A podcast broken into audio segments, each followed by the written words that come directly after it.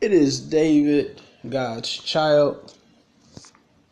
It is such a beautiful day.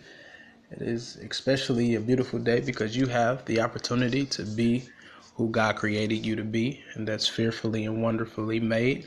Um, all of us have unique abilities that um, individualize us from others and uh, isolate us from others, but yet um, we are um, sanctioned to work in community to pull the best out of each other. So, uh, this is a great day for you to use the uniqueness and the creativity, innovation, ingenuity that uh, was placed in you um, by the Creator uh, to be all that the Creator intended for you to be. Um, I was just thinking, this is such a, a great time, a great, a great day um, to manifest positive uh, affirmations uh, that will potentially yield a great fruit in your life.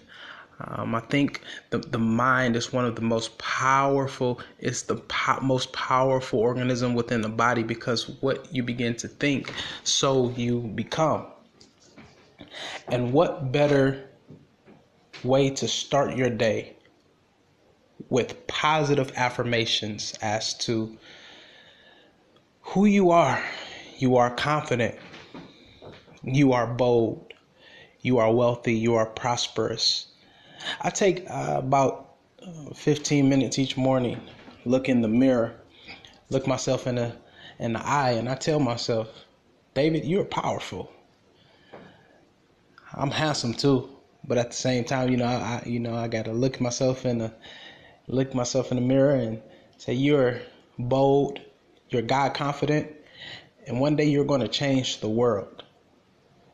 You may not be exactly where you want to be at this very present time, but you're surely on your way, and God has you exactly where God wants you. And I believe somebody needs to hear that too.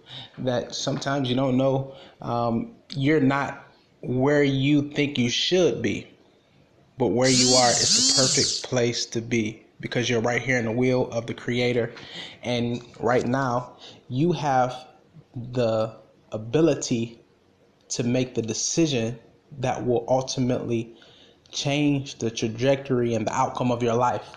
So when i say thinking positive and speaking positive affirmation and beginning to manifest uh, the greater in life you have to say that I am a change agent. I am an impact player.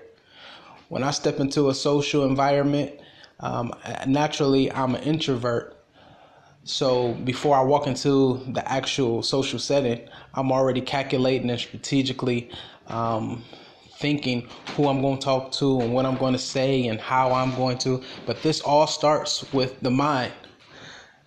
And I believe that if you begin to think positive, if you begin to um, know who you are and be true to your authentic and genuine self, you have the ability to change whatever setting that you're in. So if you're not where you want to be right now, this is not the time to throw a pity party. This is not the time to look down on yourself or speak low of yourself. Uh, but this is the perfect time for you to square your shoulders, Lift your chin, plant your feet, and say to yourself, from this day forward, I am walking in confidence. I am going to be faithful to my calling. I'm going to walk into my purpose. I'm going to reach my fullest potential. I may not be where I want to be, but I'm definitely right in the place in which God wants me to be. And what that means is you have another opportunity to make wise decisions those who are what success what separates the successful from the unsuccessful is the decisions that one makes. You have successful unsuccessful then you have wise and you have the foolish person. And the reason that the person the, the wise is the wise and the successful is the successful is because of the decisions that one chooses to make that will benefit or change the outcome in a positive way. So if you want to be an author of a book, you have to start writing. You can't just say this is just going to I'm going to write a book it's going to fall in my lap. You got to put pen to paper and begin to develop a thought process, grab a thesis, maybe go grab a couple of writing resources and and to help better your craft.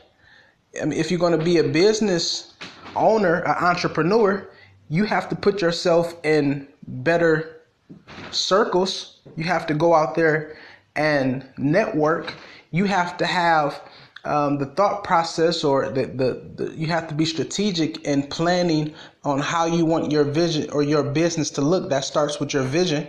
What does your vision uh, entail? So, in order for you to be the successful person, the wise person, it starts with a decision.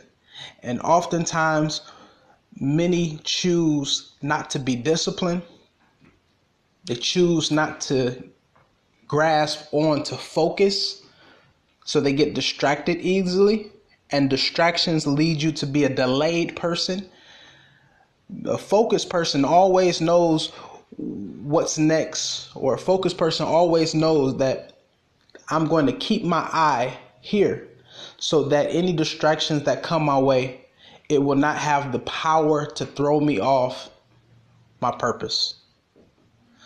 So, to someone out there, I want to speak these positive affirmations in your life.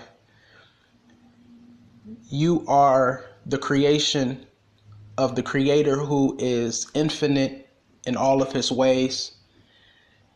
He is a supplier, giver of life, and if you can hear this, it means that you have another opportunity to make a decision that will benefit your future. You have the ability to change your outcome. You have what's inside of you to make people, to draw people to you. You have the wonderful workings of to be charismatic and to be persuasive.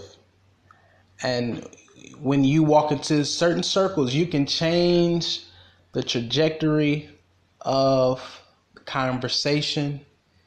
You can make people who think lower to think higher of themselves because you are a game changer.